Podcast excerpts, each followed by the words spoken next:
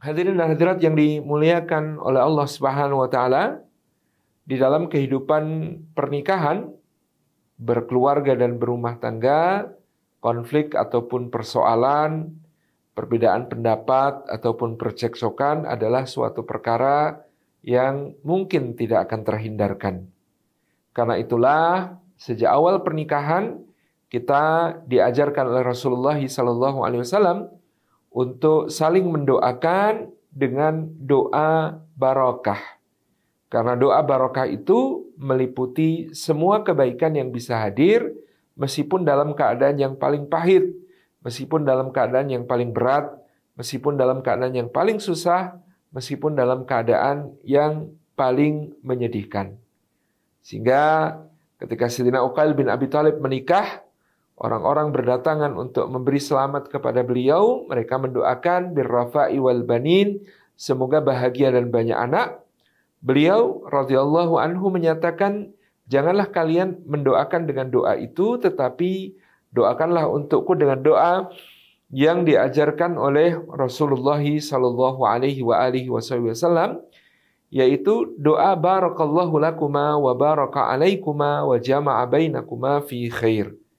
Barakallahu lakuma, semoga Allah memberikan berkah kepada kalian berdua di dalam perkara-perkara yang berupa nikmat, yang menyenangkan, yang berupa kelimpahan, yang berupa anugerah, karunia, yang berupa kebahagiaan, kesenangan, ya, yang berupa mendapat memperoleh sesuatu, ya, dan seterusnya.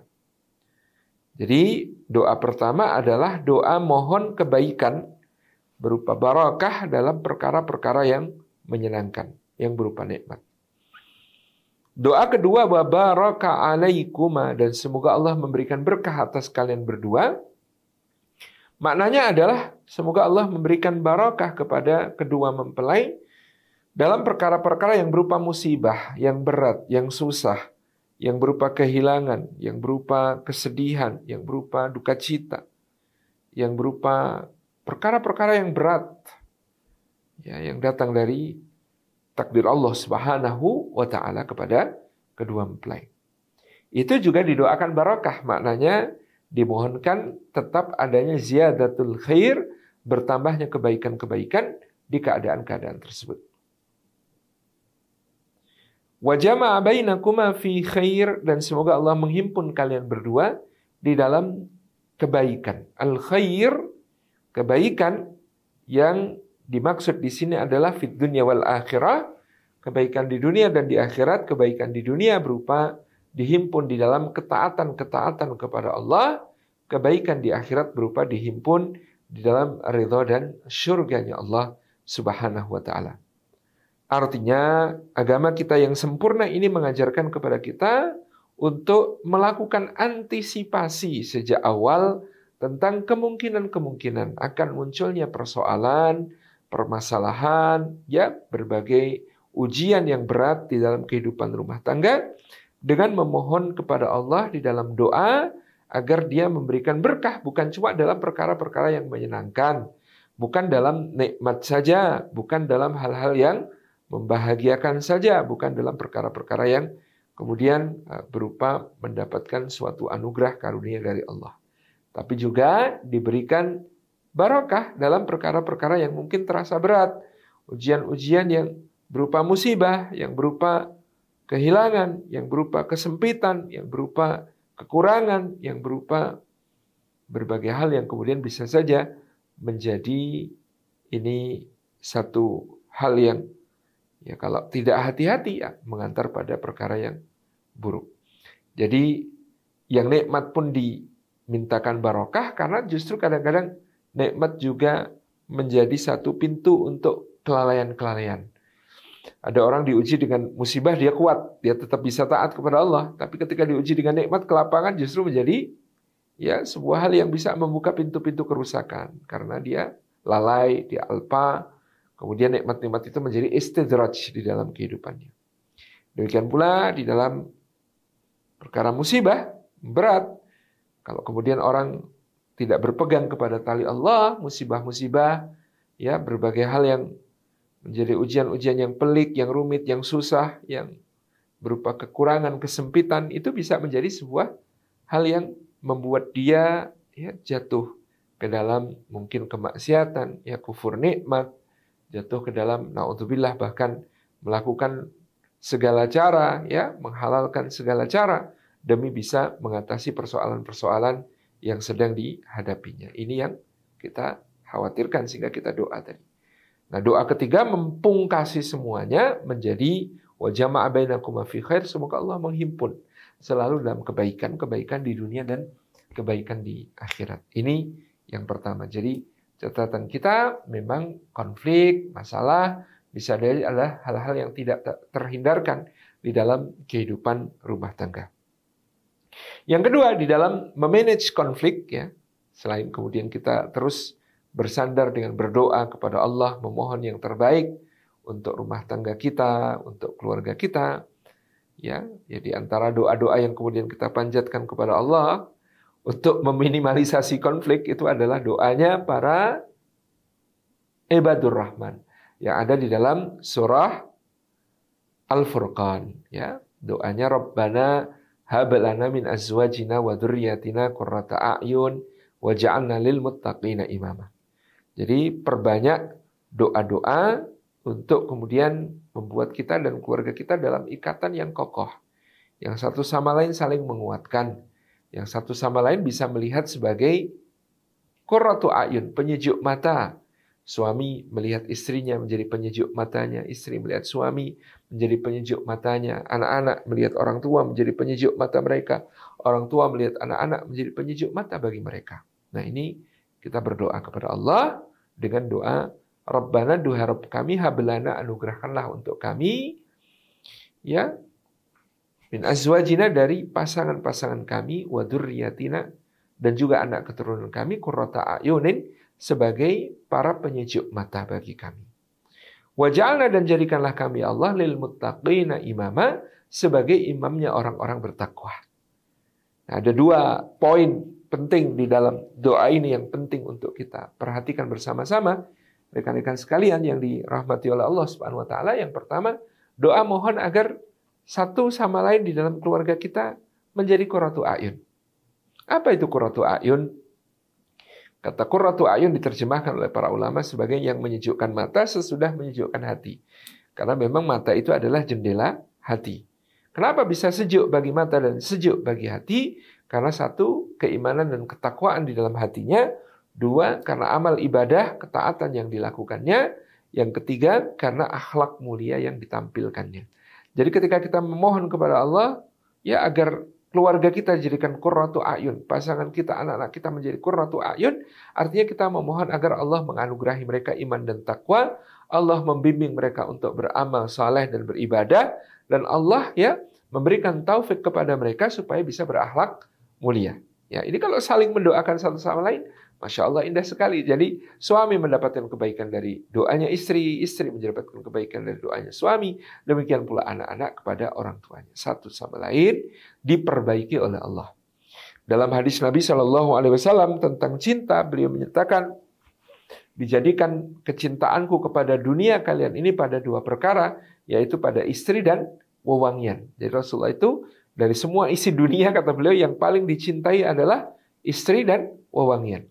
Wa ju'ilat aini fis salati dan beliau mengatakan dijadikan qurrah ainku itu di dalam salatku. Nah, di sini ada qurrah ain ternyata diletakkan oleh Nabi Shallallahu alaihi wasallam itu di atas cinta. Kalau cinta tadi adalah istri dan wangian. Tapi kalau kurhain ternyata adalah salat keterhubungan dengan Allah. Ketika kemudian bermi'raj ya dalam tanda kutip karena disebut as-salatu mi'rajil mu'min. Salat itu mi'rajnya orang beriman supaya bisa menghadap kepada Allah. Subhanahu wa taala, berdiskusi dengan Allah, berbincang-bincang dengan Allah. Ketika Allah ya, menjawab semua uh, doa-doa kita dalam sejak surat Al-Fatihah kita mengatakan alhamdulillahi rabbil alamin hambaku ya memujiku dia mencintaiku Kemudian kita mengatakan Ar-Rahman Ar-Rahim, hambaku memuliakanku, dia mengharapi aku. Kemudian kita mengatakan Malik Yaumiddin, hambaku mengagungkanku, dia takut kepadaku. Ya. Dan seterusnya, ya kita berdiskusi dengan Allah itu disebut sebagai Qurratu A'yun bagi Rasulullah. Qurratu A'yun bagi Rasulullah. Jadi kalau kita di dalam doa ibadur rahman tadi meminta kepada Allah agar keluarga kita dijadikan kuratu ayun, itu berarti keluarga kita kita mohonkan kepada Allah supaya diangkat derajatnya bukan sekedar cinta, tetapi sebagai sebuah hal yang lebih tinggi daripada cinta. Mulia. Poin kedua dalam doa itu adalah waja'alna lil muttaqina imamah. Jadikanlah kami ya Allah termasuk imamnya, orang bertakwa. Bukan sekedar termasuk orang bertakwa, tapi sebagai imamnya orang bertakwa. Masya Allah. Kita biasanya diajari doa-doa itu sigatnya tawadu kalau dalam Quran maupun sunnah. Waja'anna minat tawabin waja'anna minal mutatahirin waja'anna min warathati jannatin na'im waja'anna min ibadikas salihin ya di antaranya. Kita minta kepada Allah, ya Allah jadikan aku termasuk di antara orang yang mensucikan diri, termasuk di antara orang yang bertaubat, termasuk di antara orang yang mewarisi surga naim, termasuk di antara hamba-hambamu yang soleh. Biasanya kita berdoanya begitu, tetapi dalam doa ini kita tidak dituntun untuk berdoa waja'alna minal muttaqin, jadikanlah kami termasuk orang-orang bertakwa. Tetapi kita justru minta kepada Allah waja'alna lil muttaqina imama. Jadikanlah kami sebagai imamnya orang bertakwa.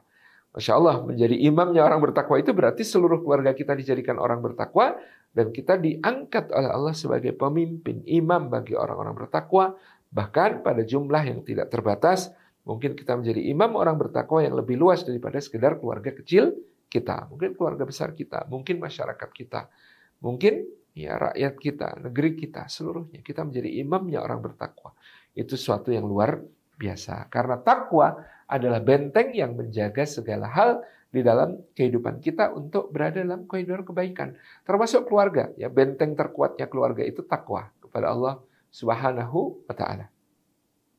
Dan seorang mengadu kepada Sayyidina Umar bin Khattab, Amirul Mukminin, "Ya Amirul Mukminin, saya akan menceraikan istriku." Loh kenapa? Karena saya sudah tidak cinta lagi. Kemudian Sayyidina Umar mengatakan, "Apakah hidup ini hanya tentang cinta? Di manakah kemudian takwa dan rasa malu?" kata beliau. Ya, Artinya ya, pengikat komitmen yang lebih kuat itu bukan cinta, tetapi takwa. Ya. Makanya dahulu uh, Al-Imam Hasan Al-Basri rahimahullah taala ditanya orang, kepada siapa aku nikahkan putriku? Maka Imam Hasan Al-Basri mengatakan nikahkanlah dengan seorang pemuda yang bertakwa. Karena kalau pemuda bertakwa ini mencintai putrimu, dia akan memuliakannya dengan pemuliaan yang luar biasa. Tapi bahkan kalau pemuda bertakwa ini tidak mencintai putrimu, ya, maka dia tidak akan pernah menyakiti, ya, tidak pernah akan mendolimi, ya, putrimu itu. Ya, bayangkan ya. Jadi takwa itu nilai pengikat yang paling kokoh bagi semua kebaikan di dalam kehidupan keluarga. Hatta ketika sudah tidak ada cinta, takwa membuat seseorang tidak akan menyakiti. Ya, itu yang Berarti takwa itu lebih penting daripada sekedar cinta. Tadi yang pertama kuratu ayun lebih tinggi dari sekedar cinta. Yang kedua takwa itu lebih penting daripada sekedar cinta. Dia adalah pengikat yang lebih kokoh daripada sekedar cinta. Jadi Kata Sayyidina Umar, Loh, memangnya hidup ini hanya tentang cinta. Memangnya kamu maknai cinta seperti apa? Karena ketika orang bertakwa, maka dia bisa memperjuangkan cintanya, mengupayakan cintanya, menumbuhkan kembali cintanya ketika kemudian dia merasa cinta itu sudah pergi. Itu yang kemudian kita pahami. Jadi yang pertama tadi ya kita uh, berdoa sejak awal pernikahan ya, menyadari bahwa mungkin akan terjadi masalah-masalah, Kemudian kita jaga pernikahan kita dengan doa Qurratu A'yun yang diajarkan para ibadur rahman di dalam suratil Furqan ini. Yang berikutnya, rekan-rekan yang disayang Allah Subhanahu wa taala adalah menganalisa sumber persoalan dan sumber konflik di dalam rumah tangga. Paling tidak menurut saya ada dua, garis besarnya ada dua sumber konflik di dalam kehidupan rumah tangga. Yang pertama persoalan komitmen, yang kedua persoalan ilmu. Oh, Ustaz, bukan karena persoalan ekonomi. Oh, Ustaz, bukan karena persoalan uh, apa namanya? Ya, sosial. Oh, bukan karena persoalan perbedaan pilihan politik misalnya gitu. Oh, bukan karena persoalan ya apa pendapatan istri lebih tinggi daripada suami dan sebagainya. Enggak. Itu semuanya penyebab turunan, penyebab pokok inti dari adanya konflik dalam rumah tangga pasti satu di antara kedua perkara ini. Yang pertama persoalan komitmen yang kedua adalah persoalan ilmu. Kalau persoalan ilmu, maka masya Allah, gitu ya, sebenarnya adalah perkara yang sebenarnya ringan. Artinya bisa diupayakan solusi yang uh, insya Allah tidak berat. Artinya, karena persoalan-persoalan ilmu, bukan persoalan komitmen. Artinya, ya ini karena ketidaktahuan, karena belum belajar, karena belum memiliki skill berumah tangga, keterampilan yang memadai.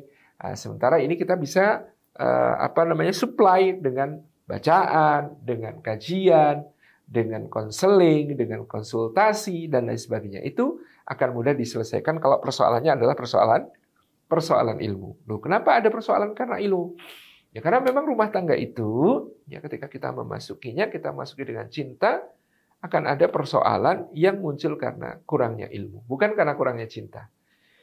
Ada suami yang merasa sangat mencintai istrinya, tapi istrinya mengadu kepada konselor mengatakan saya merasa diabaikan, merasa tidak dianggap, merasa selalu tidak dilibatkan dalam keputusan-keputusan dalam keluarga. Eh, gitu. Ada pula seorang suami ya, yang istrinya merasa sangat mencintai suaminya. Tapi suaminya kemudian mengadu kepada seorang ustadz, ustadz saya merasa nggak kuat. Lah kenapa? Saya merasa tertindas dalam kehidupan rumah tangga. Istri saya ngatur segala hal sampai ke yang kecil-kecil dan saya tidak bisa mengimbangi itu semuanya. Saya merasa tidak punya kekuatan untuk menjadi kawam dalam kehidupan rumah tangga. Ya padahal tadi persoalannya bukan karena apa-apa, bukan karena cinta, bukan karena kurangnya cinta, bukan karena salah satu bermaksud jelek, semuanya bermaksud baik, tetapi ketika maksud baik dan cinta yang suci itu tidak dilandasi dengan ilmu akan menjadi persoalan, akan menjadi masalah ya. Karena ada perbedaan antara laki-laki dengan perempuan yang kemudian harus dikelola dengan baik. Ini kalau persoalan-persoalan ilmu, ya akan ketemu jawabannya dengan mengkaji, akan ketemu jawabannya dengan uh, apa namanya mempelajari, berlatih, ya berkonsultasi, ya bertanya kepada yang lebih tahu dan lain sebagainya itu akan kita dapati jawabannya. Kalau persoalannya adalah persoalan ilmu. Karena memang tadi ya laki-laki dan perempuan berbeda. Kita kadang-kadang berangkat memasuki kehidupan pernikahan dengan sebuah kredo yang berbunyi cintailah orang lain sebagaimana engkau ingin dicintai. Cintailah orang lain sebagaimana engkau ingin di, dicintai. Ini berlaku kalau hubungan kita adalah hubungan antara ya eh, sesama jenis. Eh maksudnya kalau kalimatnya jadi nggak enak ya? Maksudnya ukhuwah ya persaudaraan satu sama lain. Kita bapak-bapak dengan para bapak-bapak yang lain ukhuwah Islamiyah. Itu Cintailah orang lain sebagaimana engkau ingin dicintai. Ibu-ibu satu sama lain dalam komunitasnya sama sosialita ya, komunitas arisan, komunitas dharma wanita, komunitas lain-lain. Itu berlaku kaidah cintailah orang lain sebagaimana engkau ingin dicintai. Tapi kalau sudah urusannya adalah suami dan istri, laki-laki dan perempuan, maka ada perbedaan-perbedaan yang harus kemudian difahami supaya kemudian tidak menjadi masalah. Karena cintailah dia dengan cara dia ingin dicintai, bukan dengan cara kita ingin dicintai. Karena cara mencintai lelaki berbeda dengan cara mencintai perempuan. Oh, teman-teman ketika dulu di kampus bisa menyaksikan sendiri ya. Kalau ada satu pemandangan gitu ya, di tangga kampus ada dua akhwat duduk sebelahan, sama-sama nangis, saling menggenggam tangan, yang satu meletakkan pundak, eh meletakkan kepala di pundak yang lain, ya kemudian saling mencurahkan isi hati, nangis bareng sampai plong. Nah, itu kalau akhwat ada masalah, sharing is caring. Berbagi itu adalah tanda saling peduli. Tapi kan kita tidak bisa membayangkan ada dua ikhwan kayak begitu gitu ya. Ada dua ikhwan duduk di tangga kampus ya dengan posisi yang sama gitu ya, saling berpegangan tangan satu, meletakkan kepalanya di pundak yang lain. Nah, serem gitu ya. Ini mengerikan ya karena berbeda ekspresinya saling mendukung di dunia lelaki dengan dunia perempuan. Di dunia perempuan mendukung dengan mendengarkan, dengan menyimak, dengan memahami, dengan mengerti. Di dunia lelaki mendukung itu dengan cara memberi ruang, memberi kepercayaan.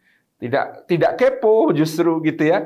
Tapi kalau tahu lagi ada masalah ya tinggal kemudian mengatakan ya tepok apa namanya eh, pundaknya kemudian mengatakan oke okay, bro pokoknya aku percaya kamu bisa selesaiin bro Nah, gitu aja gitu ya, tidak tidak tidak lebih dari itu yang namanya support dan dukungan seorang laki pada yang lain. Itu baru satu sisi saja.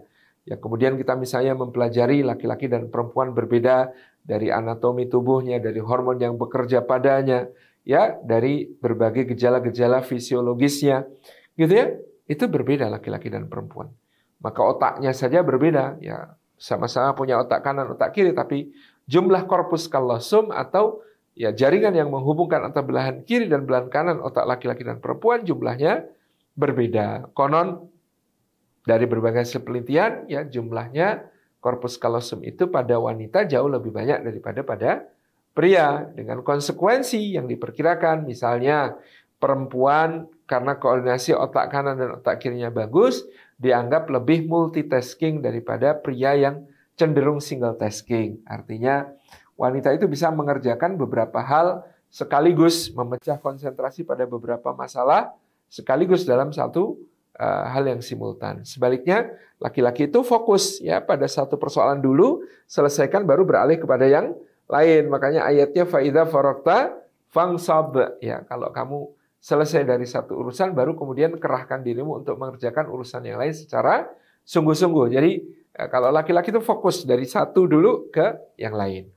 Kalau ya perempuan ya ya kita bisa membayangkan ya, ya ibu-ibu itu bisa menyusui anaknya sambil memasak, ya, rice cooker nyala, ya, sayur lodeh dimasak, ngulek sambal jalan, update status bisa, telima telepon bisa, ya, kemudian uh, sambil nonton sinetron yang sedang tayang di televisi, nyambung semuanya, bisa dikerjakan secara simultan, gitu ya. Bapak-bapak tidak bisa secara umum, gitu misalnya. Ini perbedaan yang kalau tidak disadari bisa menimbulkan konflik. Konfliknya kenapa? Karena istri merasa suaminya juga single juga multitasking seperti dirinya sehingga ketika memberikan ya apa meminta tolong kepada suami, memberikan penugasan kepada suami, penugasannya multitasking. Ya, padahal itu berat sekali untuk seorang laki-laki.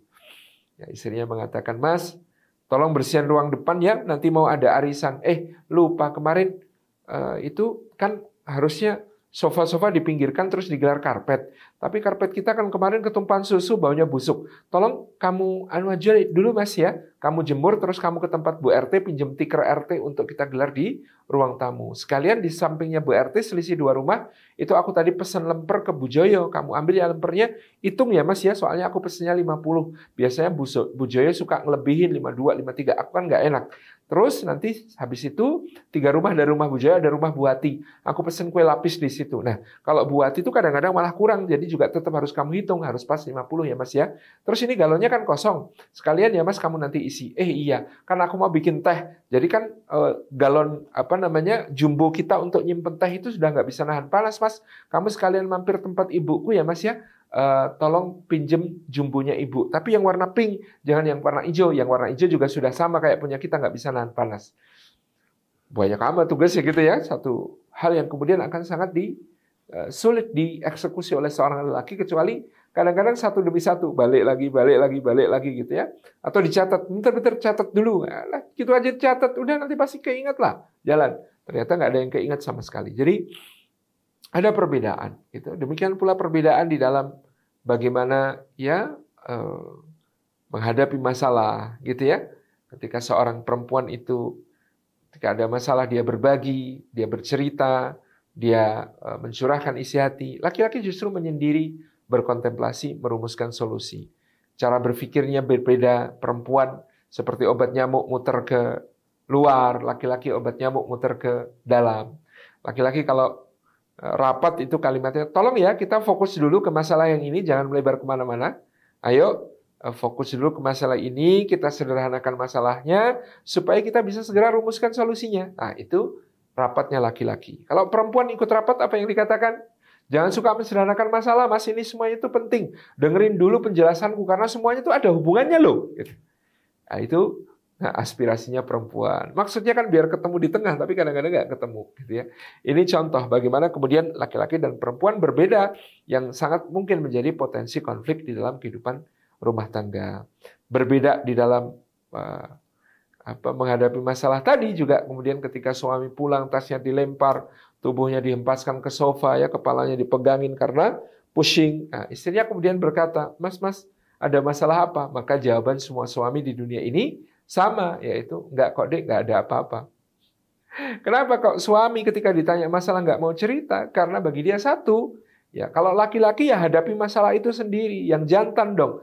Jangan apa-apa cerita ke orang lain, itu namanya cemen. Itu perasaannya laki-laki begitu, nggak bisa disalahin.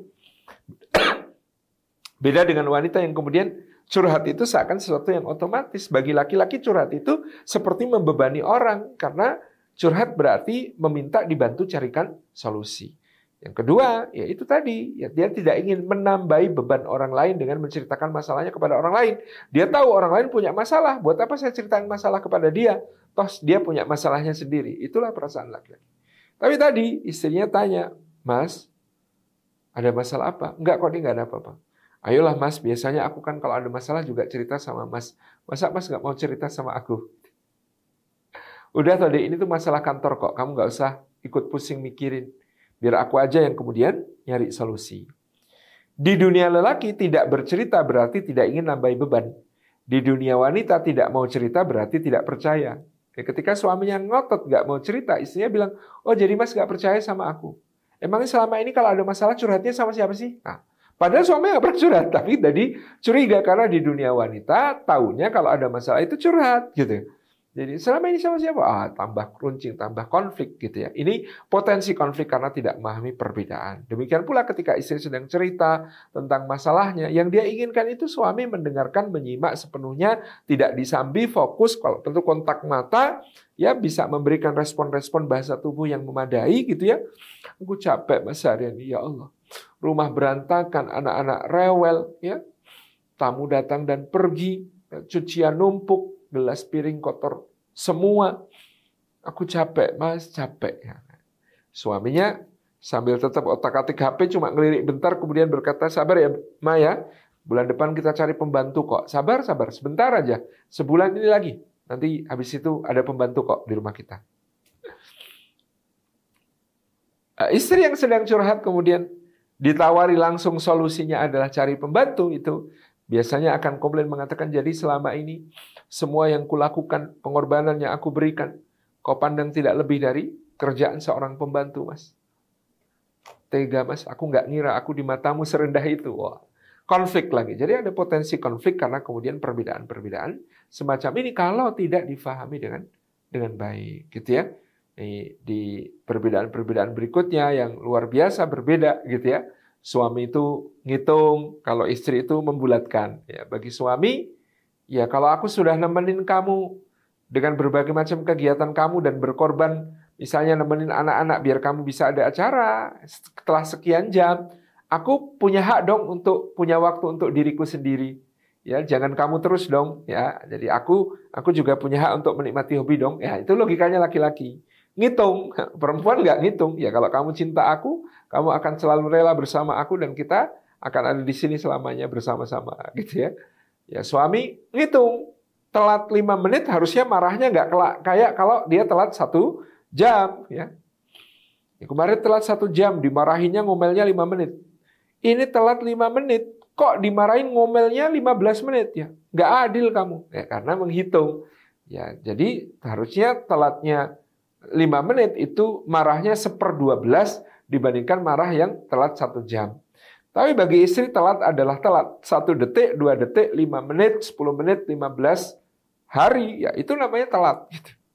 Telat adalah telat. Ya digital nol atau satu. Telat ya telat gitu ya. Jangan banyak banyak excuse ya. Itu kemudian marah dan lain sebagainya. Jadi ada menghitung dan lain sebagainya. Ini lengkap saya uraikan di buku Bahagianya Merayakan Cinta. Kita mengurai peta-peta konflik yang disebabkan karena kurangnya pemahaman tentang perbedaan-perbedaan. Nah, ini ilmu ya, lagi-lagi tentang ilmu. Ini yang penting untuk kita kuasai, kita pelajari. Nah, yang kedua tadi saya mengatakan analisa sumber konflik adalah yang bukan ilmu ini kalau persoalan komitmen. Ah, kalau persoalan komitmen, ah ini yang susah gitu ya karena ya Ya solusinya satu-satunya harus kembali kepada komitmen. Kembali kepada akad suci yang telah diucapkan, yang meminjam nama Allah Subhanahu wa taala, yang tidak boleh sembarangan, yang oleh Al-Qur'an disebut sebagai mitsaqan ghalidha, yang oleh Al-Qur'an disebut sebagai perjanjian yang berat. Artinya orang yang ya bermasalah secara komitmen, mungkin ada masa lalu yang belum tuntas, ya nikah tapi ternyata ninggalin mantan nggak pamit gitu. Kemudian misalnya ya dia pernikahan tidak menjadi eh, penyembuhan dari penyakit lama sebagai playboy misalnya gitu ya dan lain sebagainya. Ini ini persoalan komitmen yang semacam ini ya. Maka kalau persoalan komitmen ya solusinya biasanya jauh lebih berat. Kayaknya solusinya lebih sederhana yaitu kembali kepada akad suci pernikahan. Tetapi kadang menjadi tidak sederhana dalam eksekusinya karena tadi ya eh, pelibatan perasaan-perasaan, emosi-emosi dan lain sebagainya Apalagi tadi yang kita sebut ada masa lalu yang belum tuntas dan seterusnya, itu menjadi sangat-sangat berat untuk kemudian ditangani. Tetapi sebenarnya kuncinya ya sederhana tadi, asalkan punya komitmen kepada akad yang telah diucapkan dengan asma Allah di depan penghulu, akad suci yang dimuliakan oleh Allah, yang disebut sebagai mithakan ghalidah perjanjian yang sangat berat di sisi Allah Subhanahu wa taala, sebenarnya persoalan komitmen ini sederhana. Ya, tadi sederhana Eh, dalam eh, level eh, jawaban teoritisnya, tetapi mungkin akan membutuhkan effort perjuangan yang sangat luar biasa besar ketika kemudian ya berkaitan dengan perasaan-perasaan. Ya berani tidak memblokir nomor-nomor yang kira-kira akan bermasalah, memblokir akun-akun media sosial yang kira-kira akan membuka pintu masalah, berani tidak melakukan proses tazkiyatun nafas ya, mensucikan diri dari apa-apa yang kemudian ya dia melakukan mungkin pelanggaran-pelanggaran syar'i dengan uh, yang bukan pasangannya dan lain sebagainya. Nah, ini proses-proses seperti ini yang kemudian uh, membutuhkan effort yang sangat besar. Jadi ini yang ketiga, jadi kita bagaimana menganalisis sumber konflik. Yang keempat adalah ya memperkuat komunikasi.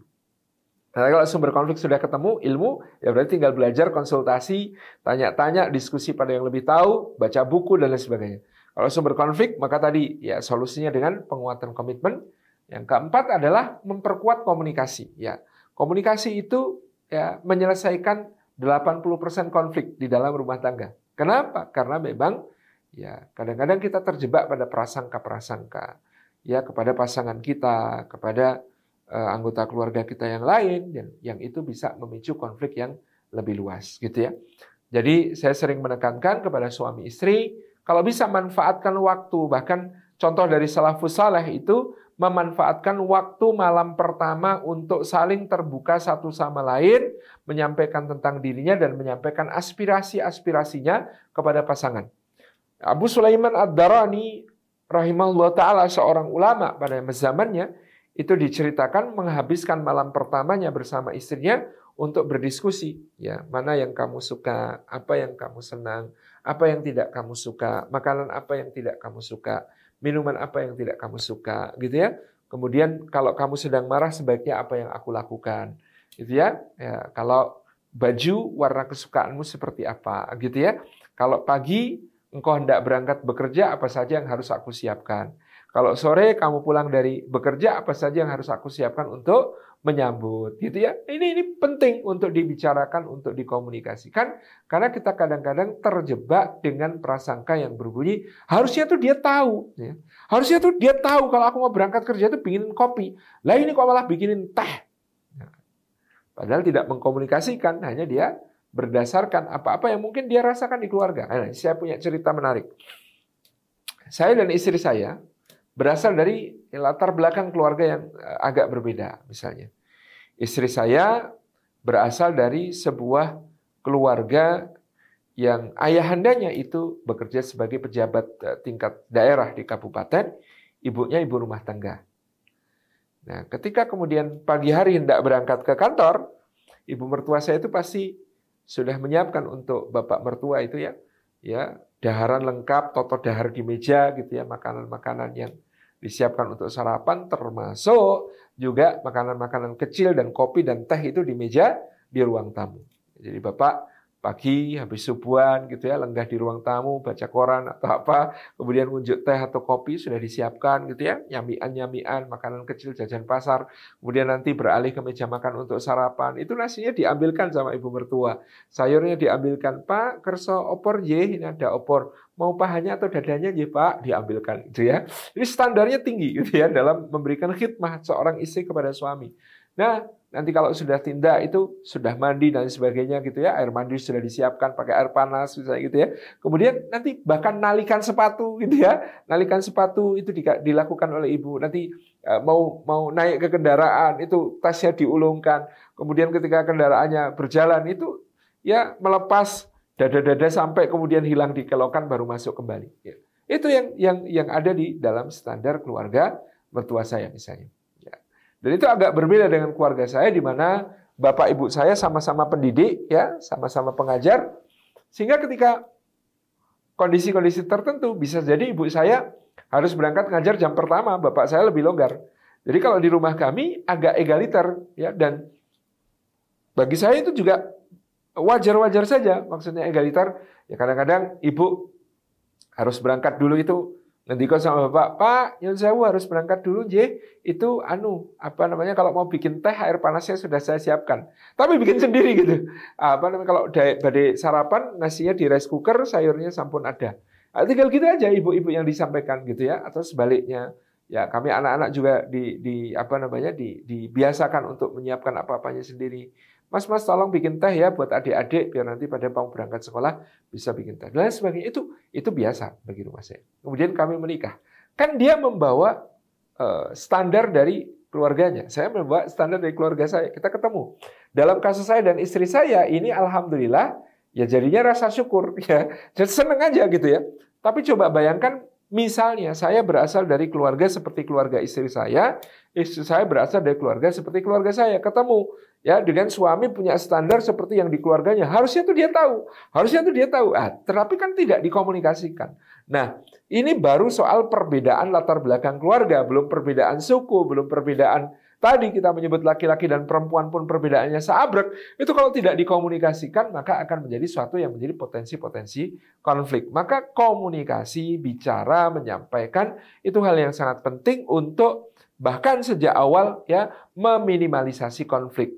Karena banyak konflik karena tadi prasangka-prasangka, praduga-praduga yang padahal bisa kita atasi dengan mudah ketika kita mau saling berkomunikasi satu sama lain.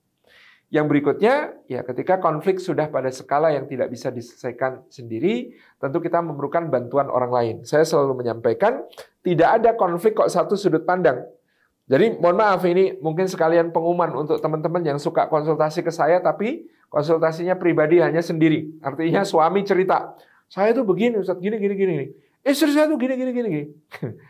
ya, dari mana namanya namanya persoalan pasti dua sudut pandang eh, Ya, masing-masing itu punya naluri, ya. instingnya manusia untuk membela dirinya sendiri dan menyalahkan orang lain. Itu itu itu akan muncul. Jadi kalau saya tidak pernah uh, berusaha untuk uh, memberi saran kalau yang konsultasi cuma satu arah, perspektifnya cuma satu sisi. Wah ini nanti saya kasih saran pun tidak akan menyelesaikan masalah. Kenapa? Karena tidak dari dua dua sisi, dari sudut dua sudut pandang.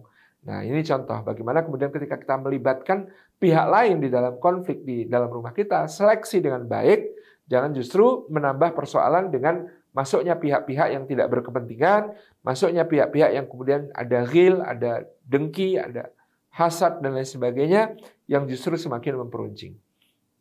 Pertama-tama persoalan itu jangan keluar dari rumah, kalau keluar dari rumah maka keluar dari keluarga inti, misalnya kita berkonsultasi ya kepada keluarga, yang misalnya Bapak Ibu. Tetapi juga harus hati-hati menyampaikan, menyampaikannya pun berdua, tidak satu orang menyampaikan kepada orang tuanya sendiri, satu orang menyampaikan kepada orang tuanya sendiri, tambah bubra. Ya karena dalam sunnah kita menemukan ya kalau ada konflik antara suami istri, misalnya Rasulullah SAW dengan ibunda kita Aisyah itu ada masalah, ya posisinya Abu Bakar sebagai orang tuanya Aisyah itu tidak belain Aisyah, tapi belain Rasulullah SAW. Jadi uh, mertua itu belain menantu. Karena kalau mertua belain anaknya sendiri, masing-masing orang tua belain anaknya sendiri, uh, itu konfliknya makin besar. Tapi kalau mertua belain menantu, itu biasanya konfliknya cepat reda. Ini contoh bagaimana kita melibatkan orang-orang dalam konflik, tentu harus dengan sangat hati-hati dan uh, memilih orang-orang yang sangat tepat. Demikian Allah alam yang dapat kita sampaikan tentang manajemen konflik dalam rumah tangga. Mudah-mudahan bermanfaat. Jazakumullah khairan. Wassalamualaikum warahmatullahi wabarakatuh.